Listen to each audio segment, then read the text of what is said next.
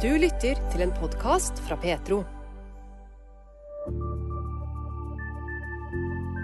Hvordan kan samarbeid og jobbe sammen når en ikke ser likt på viktige spørsmål i en menighet og forsamling?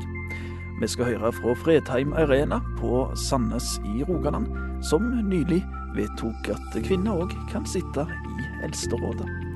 Du skal få høre at misjonsorganisasjonen evakuerer sine norske utsendinger fra Ecuador, og at det i Norge er ca. 60 store steinkors som er fysiske uttrykk for den åndelige arven vår. Dette og mer til hører du mer om i ukas utgave av Petro-uken oppsummert.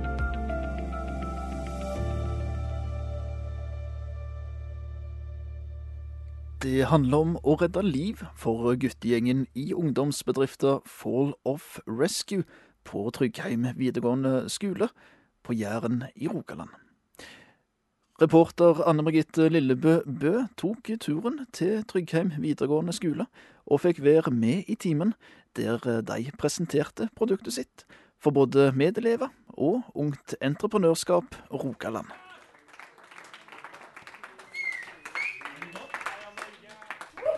Så er det sånn at uh, Fall of Rescue de skal nå framføre sin NM-presentasjon.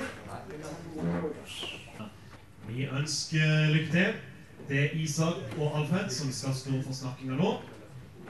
I 2022 så døde 21 personer av motorsykkelulykker i Norge. Og det er noen forferdelige tall som vi akter å få gjort noe med.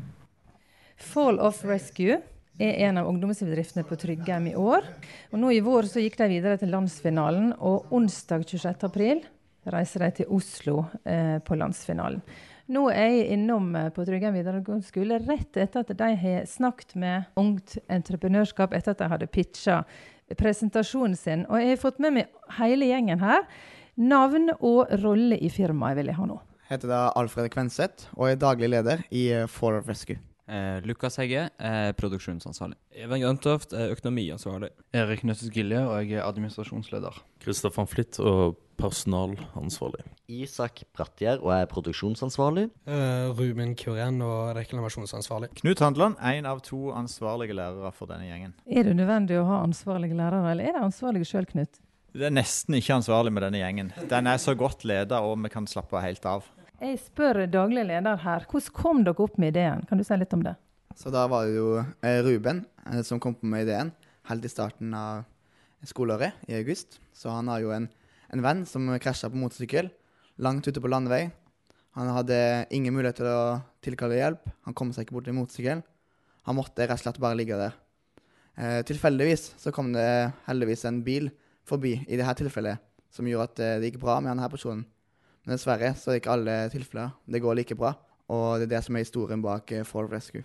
Og dette her eh, produktet som dere da har laga og skal eh, promotere, hva er det for noe da? Da skal du Ruben få si det, da. Det er et produkt som kan redde mange liv. Det finnes jo andre ideer og andre produkter som kommer til samme konklusjon, men har flere steg. og Det er det vi prøver å gjøre. At det går kjappere, enklere, og at vi klarer å hjelpe de folk som trenger det. da. Uh, Isa kan kanskje fortelle litt mer?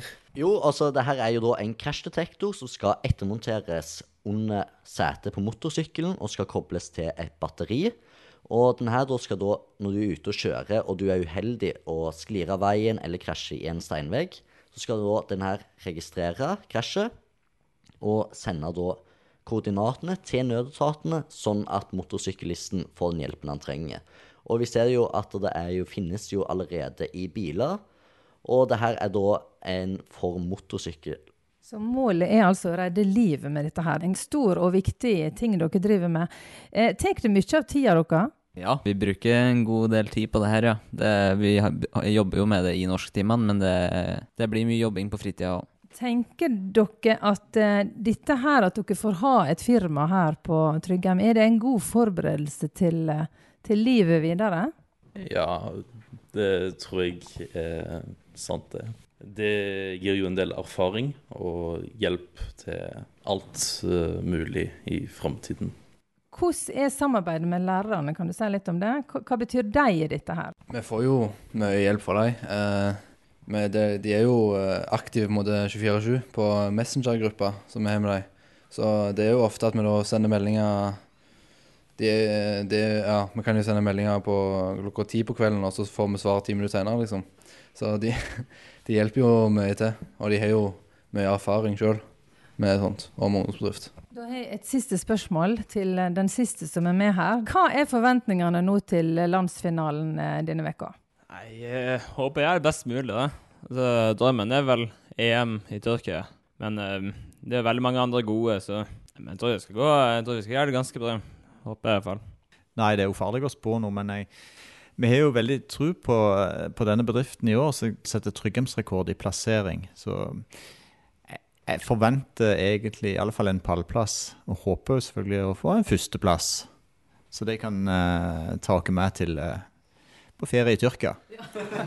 Det sa lærer Knut Handeland til bifall fra gjengen i Fall of Rescue som denne uka konkurrerte om å bli landets beste ungdomsbedrift i ungt entreprenørskap. Selve kåringa fant sted fredag 28. april klokka 15, og ved denne podkastens tilblivelse var resultatet ikke klart ennå. Gjengen i Fall of Rescue er elever ved Tryggheim videregående skole på Nærbø i Rogaland, en skole eid av Norsk Luthersk Misjonssamband. Ungdomsbedrifter virker inspirerende og motiverende, både for elevene og lærerne. Det forteller Knut Handeland og Henrik Foss, som koordinerer dette arbeidet. Ja, vi prøver å skape mest mulig entreprenørskapsaktivitet på skolen. Det er en oppgave som vi har her. Du, hva er ei elevbedrift, for de som ikke vet det? Ja, en ungdomsbedrift det er ei gruppe elever som eh, starter en bedrift i begynnelsen av skoleåret, driver den og avvikler når skoleåret er omme.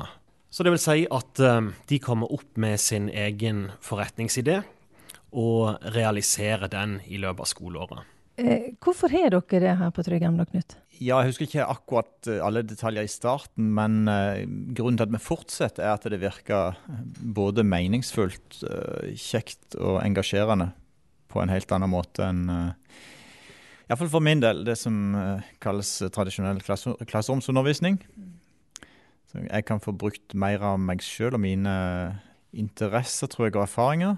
Vi bruker det jo en del på yrkesfag, i norskfaget. Vi kan få, få til et slags fokuseringspunkt som både det skriftlige arbeidet og det muntlige arbeidet som elevene skal når de presenterer og skriver, så handler det om bedriften deres som de jo er eksperter på. Det er mye raskere at de får mestringsopplevelser. De får lov til å beholde bedriften som sitt orienteringspunkt gjennom skoleåret. Så da, da, merker de rett og slett ikke at de har norsk rett som det er. Og det er en fordel for en god del eh, yrkesfagelever som kommer her og ikke er spesielt opptatt av å ha mest mulig fellesfag. Så det er egentlig eh, mange fag i ett, dette her, Henrik? Det er det. Det er et tverrfaglig opplegg der elevene ikke tenker ulike skolefag, men tenker å realisere en forretningsidé. Og det gjør at de får bruk for å skrive. De får bruk for retoriske ferdigheter muntlig. De får bruk for ulike skolefag, men de tenker kanskje ikke gjennom det, at de faktisk har bruk for dem. Hva skal til for å lykkes med arbeidet med en ungdomsbedrift? Du må iallfall være eh, positivt innstilt til metoden sjøl og ha smakt og sett at dette er godt. Så et visst engasjement. En må ikke advare elevene mot det, i alle fall.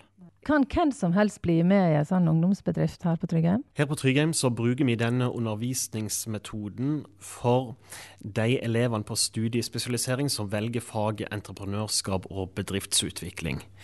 I tillegg så har alle elever som går eh, VG2, El-energi og Ekom ungdomsbedrift, og òg VG2 tømrer.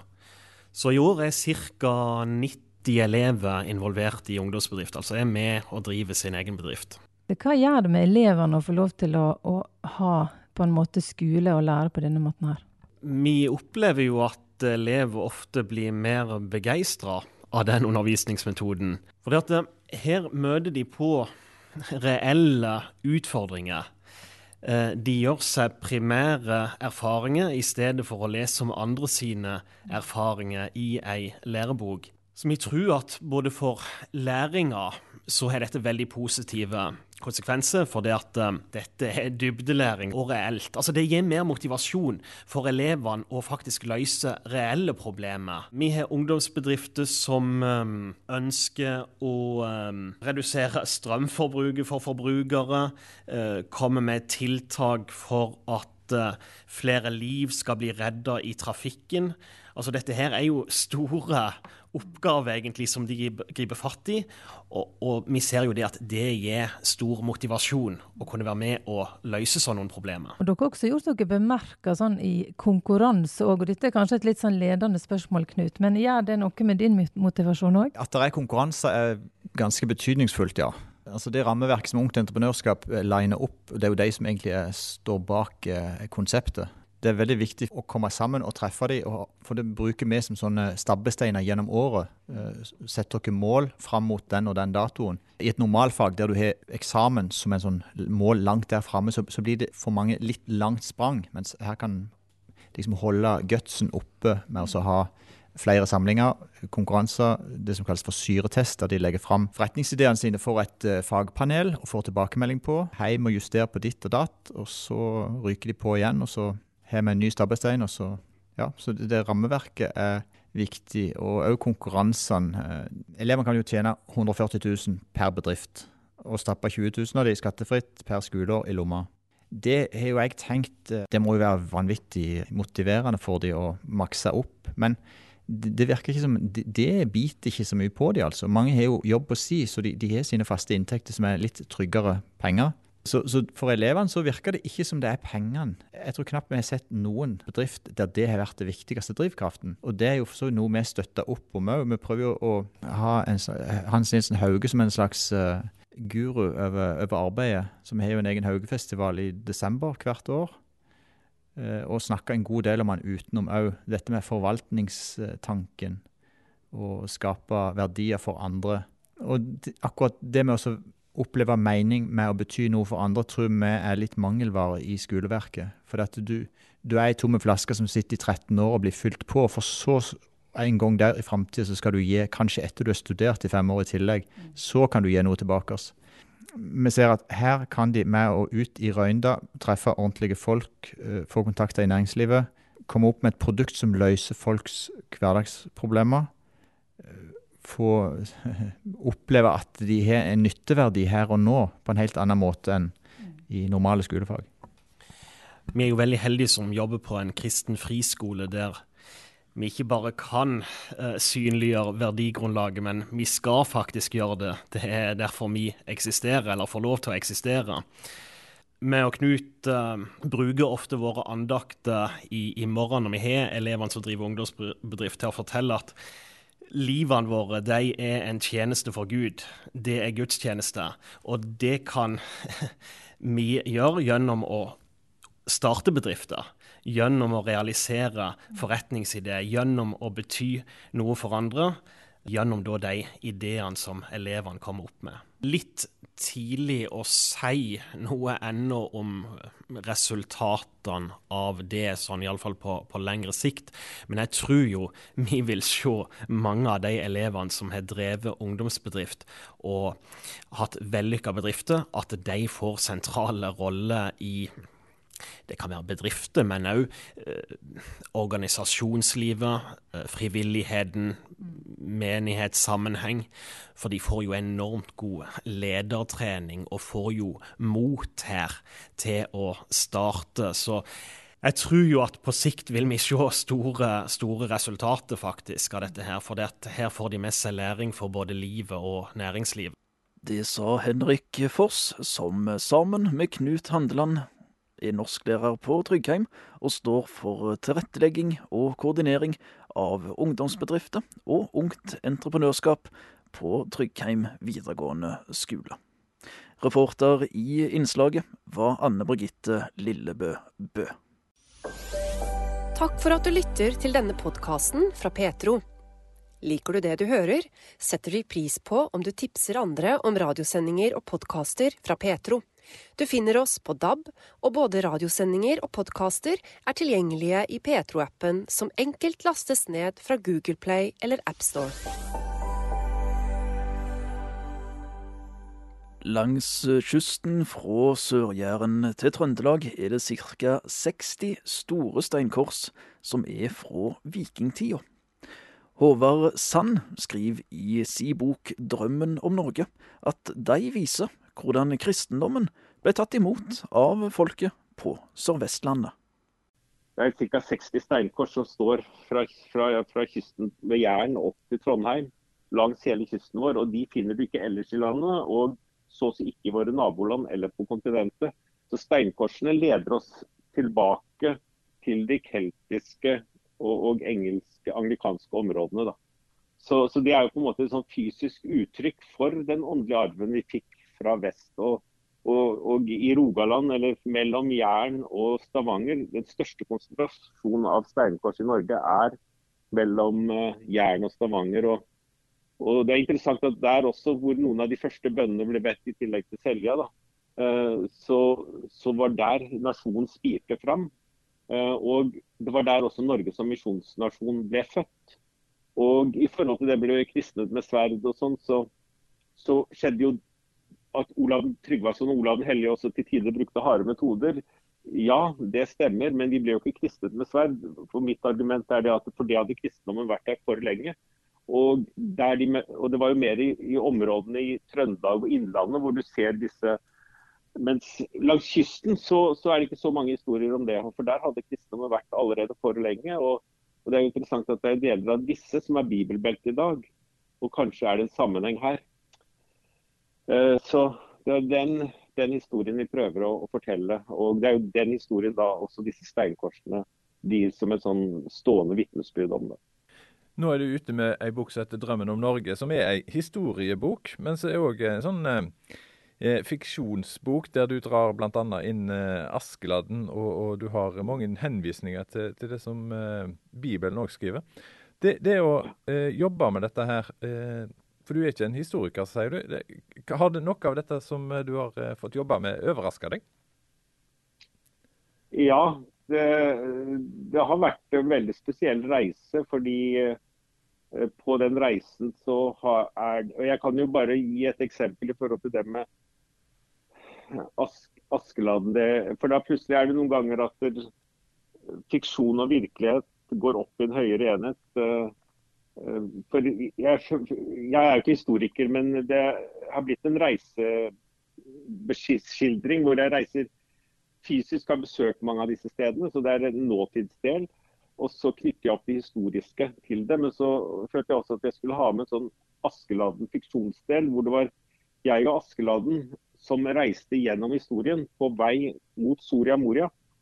Og jeg avslører ikke før siste kapittel hva Soria Moria egentlig er, så det skal jeg ikke si her heller.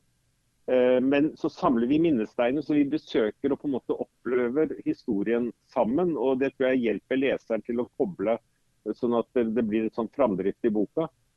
Og, eh, og så, så, har jo Askeladden sekken sin som han samler disse minnesteinene i. da. Og Det er jo tradisjonen fra da israelsfolket krysset Jordan, så talte Gud at de skulle ta med seg tolv steiner og bygge et alter. Og så var poenget det at når deres barn spurte hva betyr de steinene, så kunne de fortelle historien om hvordan Gud hadde vært med dem.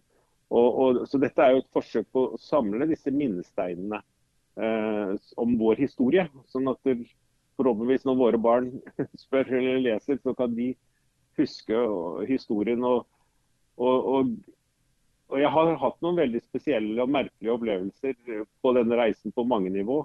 Og også i fiksjonsdelen. For eh, når jeg hadde jobbet med, og den fiksjonsdelen er skrevet da av Sara Lepsø, som uh, kom inn av Jeg er jo ikke fiksjonsforfatter, så hun tok den delen da, og, og gjorde en kjempejobb med den. Og, og hvor vi, Hun jobbet med mine ideer, men skrev de i en sånn fiksjonsform. Og når vi kom til siste, måte, siste kapittel og, og jobbet med det, da, og, det, og hun jobbet med fiksjonsdelen der, så oppdaget vi plutselig hva navnet til Askeladden betyr.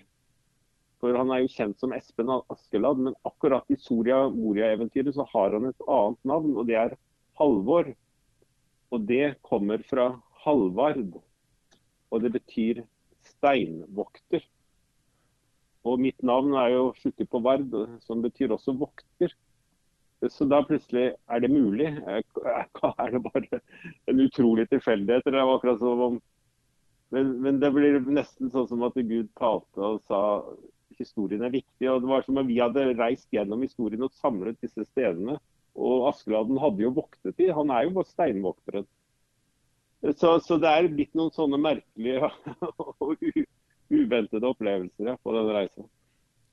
Du, du, skriver i boka at Gud har vært med Norge, i, i, og du ser det når, når, du ser den historiske jobben som du har gjort nå med, med å skrive denne boka. her. På hvilken måte kan jeg si at uh, historien, den kristne historien i Norge disse tusen åra er viktig for, for kristne i dag å, å kunne og skjønne? Det er, det, hvis du tenker på israelsfolket og, og, deres historie, så er jo det meste av Bibelen er jo historie. Og, uh, og hva var det som var poenget med det? Det var jo nettopp det, uh, disse minnesteinene. ikke sant? For, for når de husket det, og, så kunne det gi dem tro at der de var i dag, så kunne Gud igjen hjelpe dem. Og så var det jo at de minnet seg på historien, så sa de gjør det igjen i våre dager. Ikke sant? Det, det at de husket og, og så Guds hånd, så, så, så, inspirerte dem til å be Gud gjør det igjen i våre dager. Uh, så, og så tenker jeg det har noe med identitet, og særlig Eh, hvis vi har hatt et sånt forhold til vår historie at vi blir kristet med sverd. Og, og, men hva om det er en annen historie? Hva om uh, Gud har, hadde en drøm for Norge? Uh, og Det er derfor jeg kaller det boka altså 'Drømmen om Norge', uh, som er jo egentlig utgangspunktet i dronning Ragnhild sin drøm. og at vi er invitert inn til å være med og be og se hans drøm for vår, vår nasjon komme og bli, bli, det han hadde tenkt. Da. Det sa Håvard Sand, forfatter av boka 'Drømmen om Norge'. Intervjuer i innslaget, det var Bjørn Steinar Haugland. Petro har mange ulike podkaster og serier. Samlivsskolen gir råd og tips til par. I Pastoren og Journalisten prøver vi å finne ut hvorfor mange unge forlater menigheten i overgangen til voksenlivet. Og i Petro-gjesten får du høre livs- og troshistorien til en lang rekke spennende mennesker ekte og ærlig. Du finner alt i Petro-appen, på petro.no, eller der du ellers lytter til podkaster.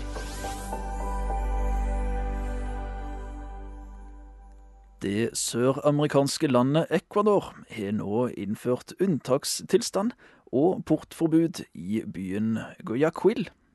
Norsk utenriksdepartement sier at sikkerhetssituasjonen i landet er forverra. Misjonsalliansen henter derfor nå hjem sine ansatte i landet. Fem unge frivillige er kommet hjem til Norge, mens en familie med to barn skal forlate Ecuador. Det sier Solveig Irene Seland, regionleder for Misjonsalliansen sitt arbeid i Sør-Amerika. Vi har vurdert det nå, at den, den, har kommet til det punktet at det, det går utover ikke bare arbeidsforhold, men òg hverdagsliv, privatliv. Det er områder som Altså det har alltid vært områder der du har kunnet visst hvor du kan være og ikke være. Eh, og ta forholdsregler deretter. Mens nå har det blitt en mye mer uoversiktlig situasjon. Det har vært trusler om bomber, og det har vært angrep på steder som ikke vi har vært vant med at det på. Det kan være kjøpesenter, eh, restauranter i trygge områder. Um, ja, som gjør at vi vet ikke hvor det smeller neste gang. Eh, vi har selvfølgelig gjort tiltak som å ha mer hjemmekontor f.eks. Men, men vi er jo også basert på et arbeid som er ute i lokalsamfunnet. Og, og, i hverdagen så trenger man å dra til butikken og kjøpe seg mat, og man har ærend å gjøre. Um, så det berører livet så på alle områder nå. Og, og vi, vi, ser Vi tviler på at det her kommer til å roe seg med det første, og frykter at det kan eskalere i enda større grad. Så det er derfor vi nå evakuerer utsendingene våre før, før det blir enda verre, da, i verste fall. Ecuador ligger altså i Sør-Amerika, på vestkysten. Colombia i nord og Peru i sør. Colombia er jo kjent for mye narkotika. Hvordan er det med Ecuador? Er det produksjon, eller er det andre ting med narkotika som gjør at eh, det er blitt sånn som det er blitt nå? Det er noe produksjon, men det har ikke vært en stor utfordring. Det som er, er jo nettopp det du peker på landene rundt, som er mye større produsenter og eksportører også av eh, narkotika til resten av verden, til Norge f.eks. Eh, så det har alltid, eller alltid, men det har lenge eh, florert narkotika. Det har også vært en utfordring i det arbeidet vi har jobba med. Der de har rekruttert små barn eh, til både å bruke og, og selge narkotika. Men vi ser den siste tida nå at det har fått et mye større omfang, og der det er internasjonale karteller som har eh, fått et annet tak på landet. Eh, så de er, ja, nettopp fordi de ligger langs kysten, så er de en god, god transportetappe ut til resten av verden fra andre land også, da. Misjonsalliansen har drevet arbeid i Ecuador siden 1994, 30 år neste år disse siste årene har vært krevende for deres arbeid, eh, ikke minst eh, når pandemien rammer landet. Hvordan preger det deres arbeid? De opplevde tidlig at helsesystemet kollapsa. Så folk fikk ikke den hjelpa de trengte. Det var ikke kapasitet å ta imot. Og ja, de måtte la folk dø ute i gatene. Det ja, det var helt krise. Som, og når skolene ble stengt, så uh, gikk de sånn som her, forsøkte de å gå over til digital undervisning f.eks. Men det var begrensa hvor lett det var å få til, særlig fordi at eh, ja, i fattige områder så har de kanskje ikke stabil tilgang til internett. Har ikke råd til å kjøpe PC-er eller eh, ja, det utstyret som trengs.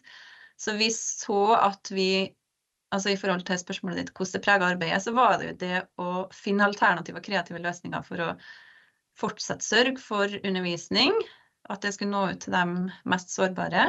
Og, um, og også helsetjenester, um, forebygging av vold, uh, ja, ulike aktiviteter. At vi måtte gjøre det innenfor de rammene som pandemien til, tilsa, men som vi så at var kjempeviktig. For altså I ettertid har han snakka om at pandemien gjorde at landet kanskje ble kasta 30 år tilbake i tid med tanke på fattigdomsreduksjon.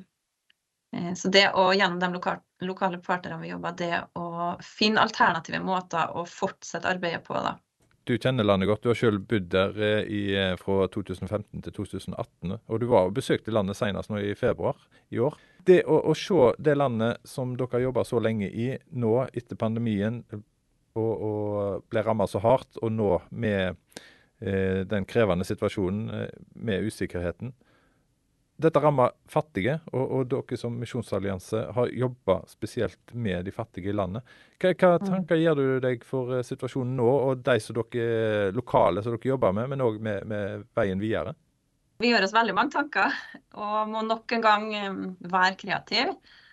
Uh, det er en sorg. Jeg kjenner på en sorg, mine kollegaer kjenner på en sorg i tillegg til frykt og uro og bekymring. Fordi det er en følelse av å miste landet sitt. Det er en følelse av å bli frarøva friheten sin, tryggheten sin. Eh, og igjen i den situasjonen som er nå, med narkotikabander som får taket på stadig flere områder, så er det jo igjen de fattige som rammes, eh, som blir utpressa, som har mindre å beskytte seg med, som har lettere for å eh, falle eller ja, ikke stå imot press hvis de blir tilbudt eh, lettvinte, skitne penger. Eh, og blir også på en måte skjøvet i front i de konfliktene og den narkokrigen som er. da. Så vi ser nok et eksempel egentlig på at de mest sårbare er de som blir enda mer sårbare når det, når det rakner i samfunnet for øvrig. Betyr dette at det er usikkerhet omkring når de som nå blir evakuert fra landet, kan komme tilbake igjen og fortsette jobben sin? Ja, vi ser at uh, det her har jo eskalert gradvis. Men det ligger òg på politisk nivå, så det her er ikke noe som kommer til å løse seg med det første. Vi frykter at det kan bli verre også, før det blir bedre. Men i, i alle fall så kommer det til å ta tid. Uh, og vi Ja, så vi, vi ønsker å fortsette, og vi ønsker å legge om arbeidet på en måte som gjør at vi kan fortsette. Men vi må også sette sikkerheten til våre ansatte først. Hvordan er det å sitte i Norge når du kjenner landet så godt, eh, og, og se på den situasjonen som eh, de som dere har eh, lokale som dere har jobba med i mange år, fortsatt må være i landet og leve med den usikkerheten? Det er tøft. Det er tøft. Og så tenker jeg også at det er godt at noen kan stå sammen med dem på avstand, at vi ikke er utsatt på samme måte. Da er det lettere å bidra og ja, være til støtte, nettopp fordi vi har en, en viss distanse, ikke står midt oppi krisa. Solveig Irene Seland er regionleder for Misjonsalliansen sitt arbeid i Sør-Amerika. Og pga. uroligheten i Ecuador henter nå Misjonsalliansen hjem sine frivillige og utsendinger. Intervjuer i innslaget, det var Bjørn Steinar Haugland. Du lytter til en podkast fra Petro. Fredheim Arena på Sandnes i Rogaland har siden 2010 hatt spørsmålet om kvinner og menn kan være i Eldsterådet oppe på årsmøtet fire ganger. Fredheim Arena er en forsamling tilknyttet Indremisjonsforbundet og har 350 medlemmer. Reidar Røyland er leder av Eldsterådet, og Andreas Bjørntvedt er pastor. På årsmøtet tirsdag 18. april ga 70% sin støtte til at kvinner òg kan sitte i Eldsterådet i forsamlingen. Hvordan kan forsamlingen fortsette å være en plass for de som ikke stemte for dette vedtaket? Dette spørsmålet er viktig for Reidar Røyland, leder av Eldsterådet i Fredheim Arena på Sandnes i Rogaland. Dette spørsmålet her har jo jeg vært i en sånn personlig i en prosess med i løpet av disse 13 årene. Der jeg nok mer og mer har forstått at eh, ja, nå ble det sånn 70-30. Altså 70% var uenige eller iallfall stemte annerledes enn det som Eldsterådet anbefalte. Et flertall der. Jeg har forstått altså Hvem er de 70 prosentene? Eller de som da har glidd veldig fra en sånn 50-50, Andreas, mot en sånn 60-40 til en 70-30 i løpet av disse årene. Så hvem er de? Og det er jo egentlig sånn som eh, du òg sa her, så, programleder, at det er jo våre venner, det er jo våre naboer. Sant? Det er jo de vanlige folka som vi snakker med i huskirka. Det kan være folk i familien?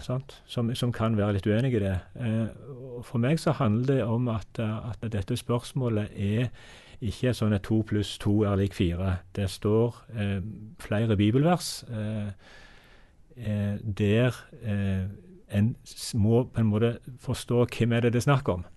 Og, og for meg så, så, betyr det at i en sånn en sak, eh, der en har bibelvers der det ikke er helt klinkende klart hvem er det som snakker om her når kvinnen skal tie i menigheten, når en eh, kvinne ikke skal eh, si, belære en mann, men skal ta imot læren i stillhet. Altså, hvem er det snakk om? Er det snakk om eldste, da? Er det snakk om en, eh, en lærer, eller er, hvem er det snakk om? Og, og, og hele diskusjonen for oss har iallfall eh, Med meg og mine naboer og mine venner har jo gått på dette. Hvem er det?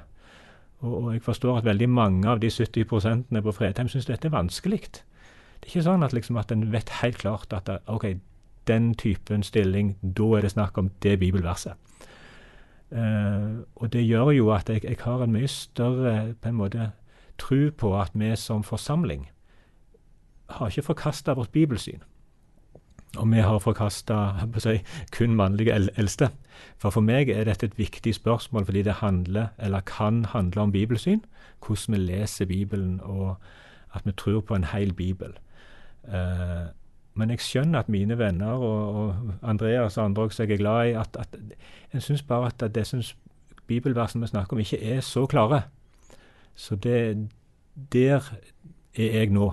At jeg har skjønt det mer og mer. Men det å være uenig om eh, hva som står i, i bibelvers, eh, når, det er det som er tema for en, eh, en, en, uenighet, hva råd har dere til andre? Hvordan kan en snakke i lag? At en vil jobbe i lag videre? At ikke en skiller lag? Ja, altså si det. Jeg, jeg Det er jo alltid vanskelig å bedømme om vi gjør ting på en riktig måte før etter å ha gjort det. Uh, den siste runden her så opplever jeg nok kanskje at vi har um, At vi har opplevd at vi har gitt Vi har egentlig alltid gitt rom, for det skal vi jo i forhold til lovene våre. Uh, men det er kanskje det å gi rom for at en kan samtale om ting. Men, men det er jo ikke alltid så lett, ikke sant. For, for det Uh, og Det varierer jo også hvilke spørsmål det er snakk om. Men jeg tror det å, det å ikke snakke om ting eh, er ikke en spesielt god løsning. fordi at eh, da risikerer du jo bare at en del av de som du er glad i, en del av de som er kirkemedlemmene og, og en del av kirken, forsvinner bare, forsvinner bare gradvis ut. Eh, uten at de eh, blir hørt, istedenfor at du kanskje hører og prøver å forstå. Eh, og så trenger ikke det nødvendigvis bety at du må være enig, men det å gi, gi rom for en, en, en samtale, da.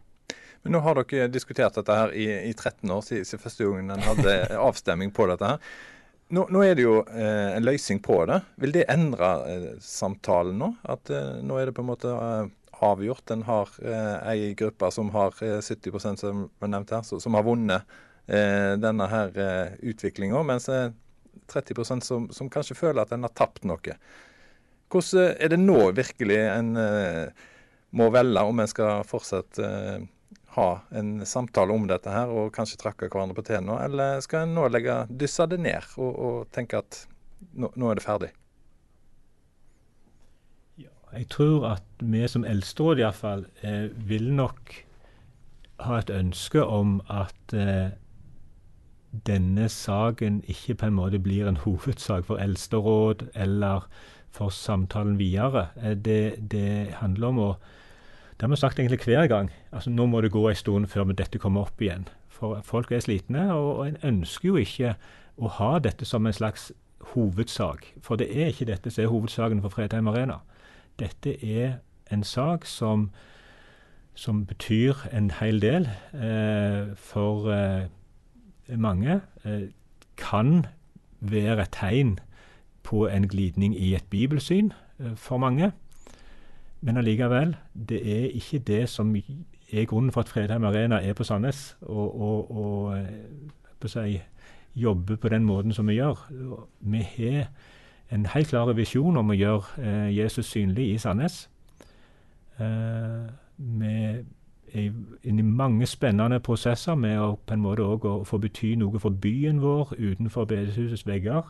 Vi er i en utvikling når det gjelder altså Runa Landrover, pastor, har nå gått mer over mot IMF. Sant? Og vi må få en, en, ny pastor inn på siden av Andreas og Anne Lene. og Det er så mange ting som skjer som, som har en større betydning for hva vi vil være, og hva vi vil jobbe for.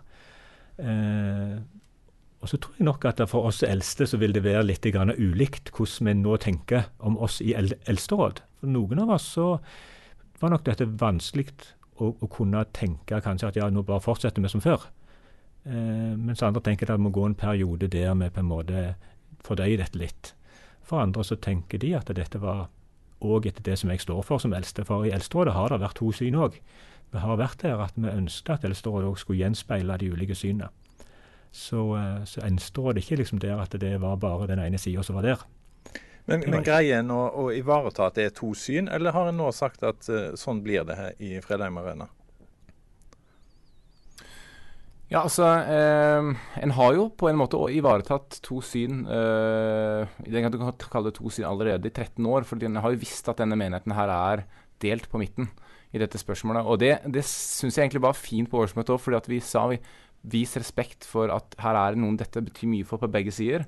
Eh, ikke applauder, bare ta et stille nikk. Og det gjorde de. Eh, og så er det viktig å si for meg at det, når vi snakker om bibelsyn her, så er det klart dette Jeg argumenterer jo veldig ut ifra et konservativt bibelsyn.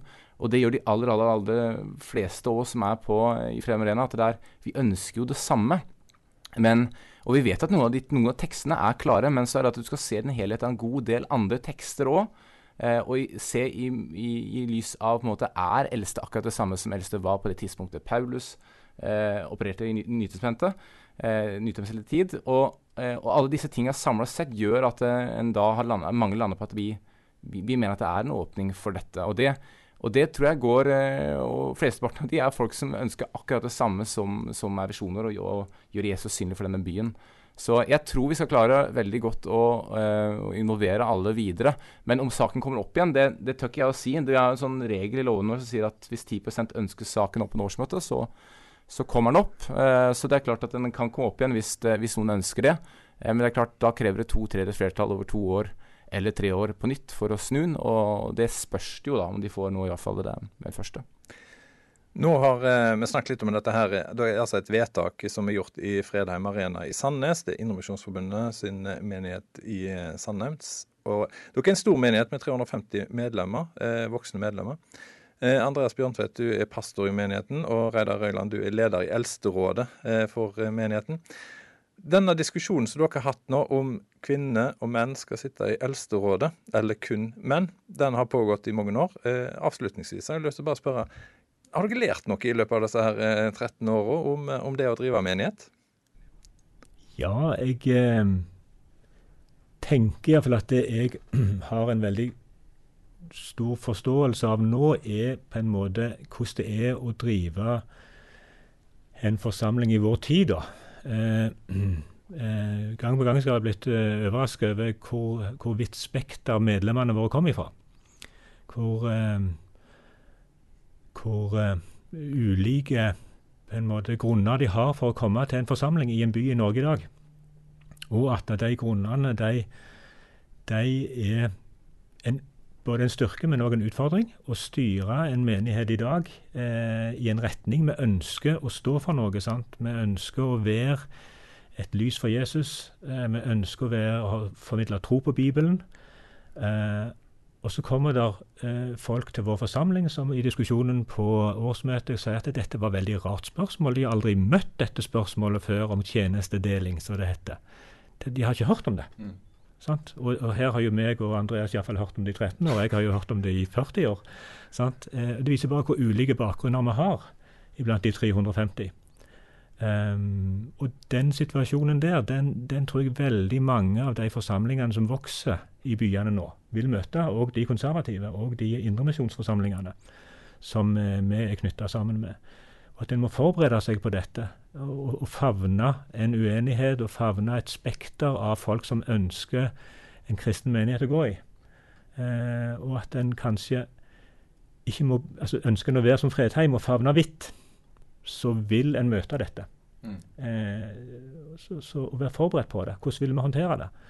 Eh, og ønske å framstå som en, eh, en forsamling som faktisk klarer og, og favne bredere enn bare de som mener akkurat det samme som en sjøl. Så tror jeg at det, det, å, det, er viktig å lytte, tror jeg. Selv om en, en skal mene, altså stå for noe, så tror jeg det er også viktig å lytte til de som er eh, uenige med en. For at du lærer alltid noe av de som du også er eh, uenig med. Og det tror jeg at det er viktig også i denne saken, at en prøver å forstå. For det er ikke sånn at de, de, aller fleste som har andre standpunkter, de har jo av en grunn. Det er ikke sånn at de bare dukker opp i løslufta. Og prøver å forstå hva er, hva er utgangspunktet for det synet du har.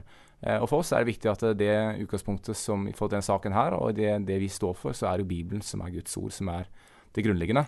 Eh, og da ser vi at likevel så kommer vi til ulikt standpunkt på det. Og det å prøve å forstå, prøve å imøtekomme, eh, og så likevel våge å stå for noe, det tror jeg er, det tror jeg er utrolig viktig.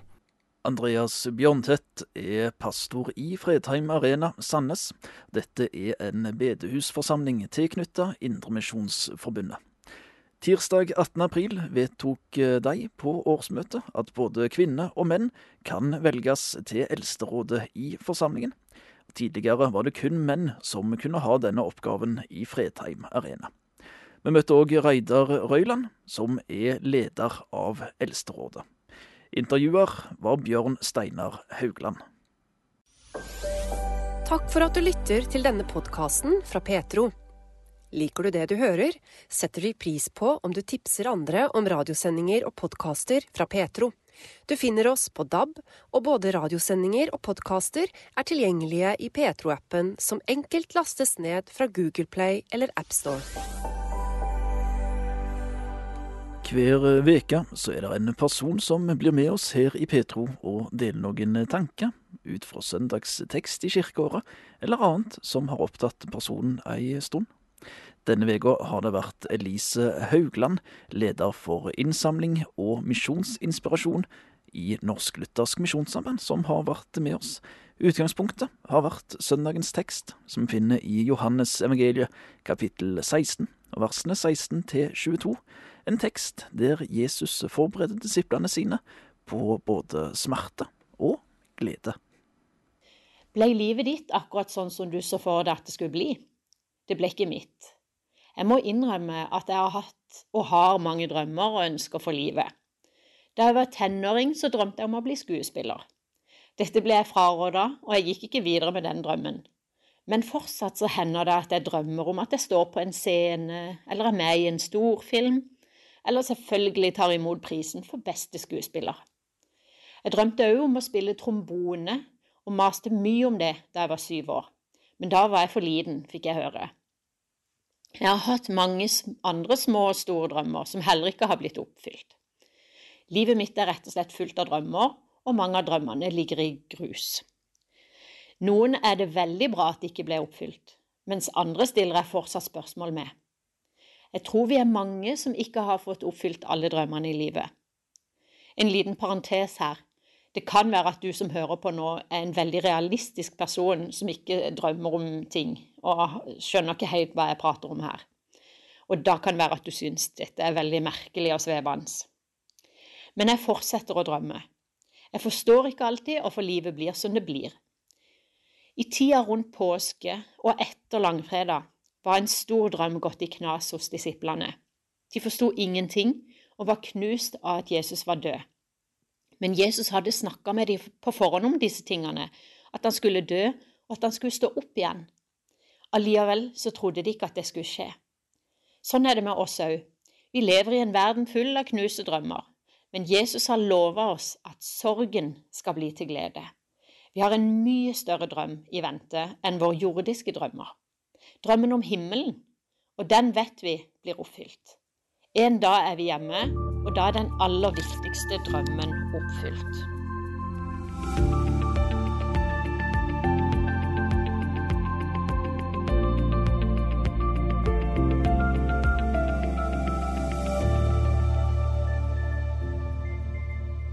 Jeg syns det er spennende med politikk, og er selv engasjert i lokalpolitikken i Oslo.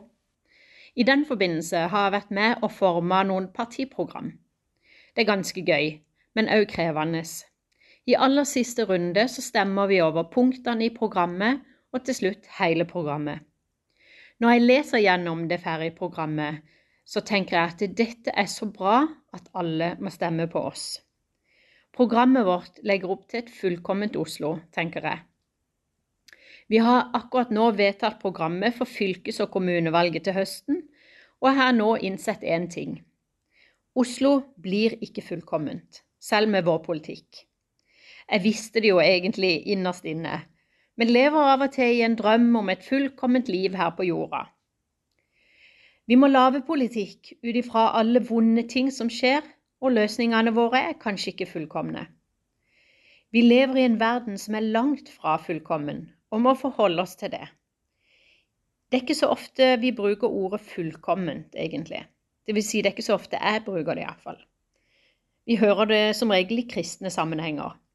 Men det hender jo kanskje at vi sier at en baby er fullkommen, en matrett er fullkommen, eller en skitur i sola er fullkommen. Men vi vet jo at dette ikke varer evig, fordi ingen er fullkomne og gleden over matretten og skituren varer jo bare en kort stund. Evangeliet forteller oss om hva som er fullkomment, og det er himmelen. Her blir sorg vendt til glede. Ingen skal grine eller ha smerte. Alle er fullkomne. Livet her vil aldri bli fullkomment, men jeg tror fortsatt at det er viktig at vi prøver å gjøre verden til et litt bedre sted, mens vi venter på at vi skal møte fullkommenheten helt til slutt.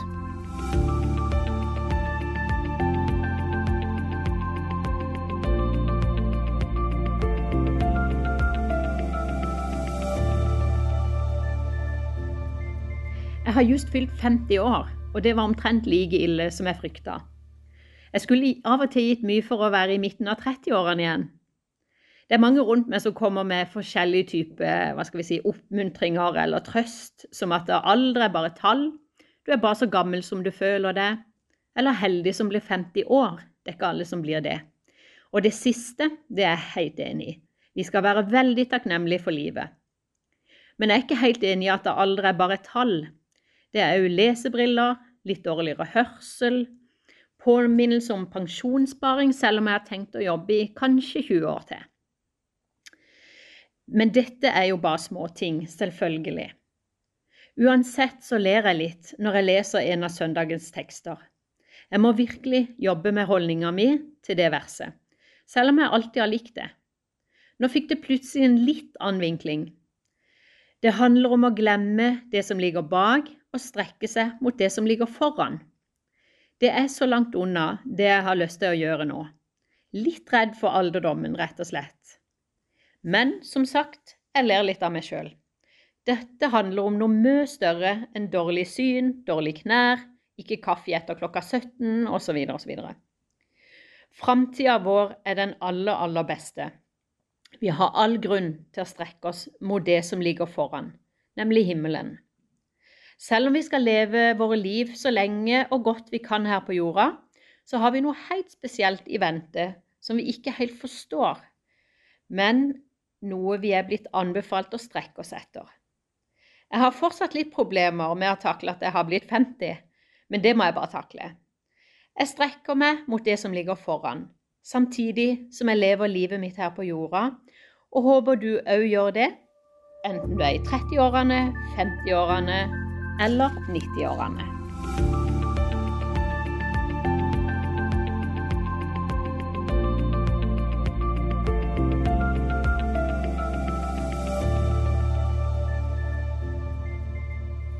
Livet er fullt av spørsmål, og det er ikke alltid vi får svar. Mange ønsker å forstå og ha kontroll.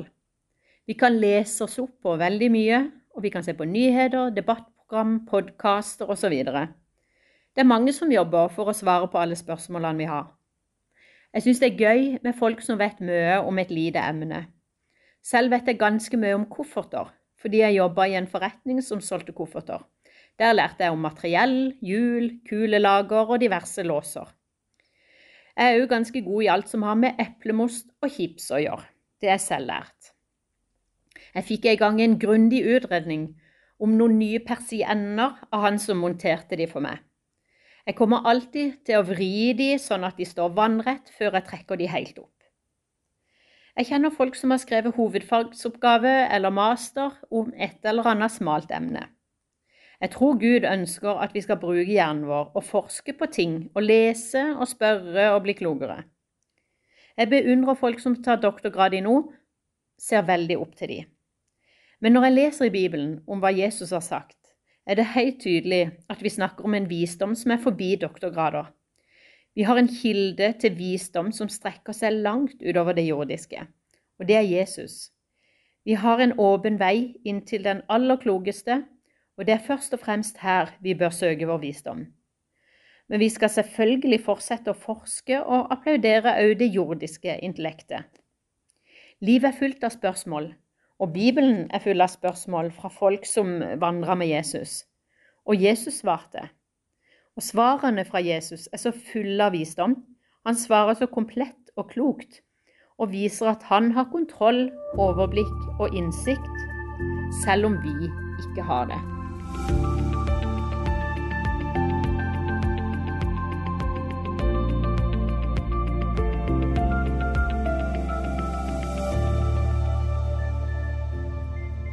Jeg syns det er gøy med ord og formuleringer, og er stor beundrer av gode forfattere. I Oslo så er det mange Ibsen-sitater som er innfelt på fortauet, og det er vel få som kan få sagt ting så velformulert som Ibsen. Det er mulig at jeg høres litt mer belest ut nå enn jeg er, men jeg liker å lese. Men òg Ibsen må vike for bøkenes bok, som Bibelen ble kalt. Noen ganger er formuleringene i Bibelen så fullkomment kloke og språklig vakre at jeg må lese de mange ganger. Bibelen er full av ord og formuleringer som virkelig burde vært innfelt på alle fortau. I søndagens tekster går ordene barmhjertighet, forbarme og sannelig igjen. Det er litt pussige ord som er lite brukt i hverdagstalen. Men å lese Bibelen er ikke det samme som å lese en avis eller ei eller annen bok. Denne boka er heva over all litteratur. En gang leste jeg Bibelen, men så fikk jeg ikke med meg hva jeg leste. Da var det akkurat som noen sa til meg, les det en gang til. Og så gjorde jeg det, og det jeg leste da, det passa akkurat inn i livet mitt da. Jeg tror det er viktig at vi tar oss tid til å lese Bibelen, selv om det kan være kjedelig og tungt til tider. Jeg vet ikke helt om du leser mye i Bibelen, eller om du leser lite, om du er glad i den, eller så kan det godt være at du ikke eier en bibel. Sjøl bruker jeg fortsatt den jeg fikk til konfirmasjonen for 35 år siden. Bibelen er oversatt, oppdatert og overlevd så å si alt. Det heter at Guds ord, altså Bibelen, er levende og virkekraftig, og Guds ord vender aldri tomt tilbake. Det holder seg på en eller annen guddommelig måte aktuelt i livet vårt. Hvis vi tror på det som står der, så gir det deg trygghet, fred og glede. Det hender at vi ikke kjenner på dette, og det føles tomt å lese i Bibelen, og livet er vanskelig. Da har jeg bare et enkelt og godt råd til dette. Fortsett å lese, be en liten bønn, og les det en gang til.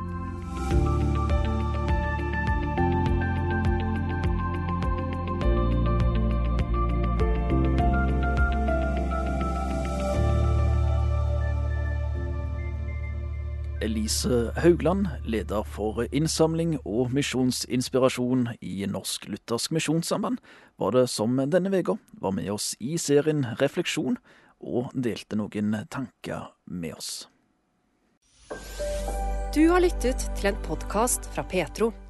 Du finner mer i Petro-appen, på petro.no, eller der du ellers lytter til podkaster.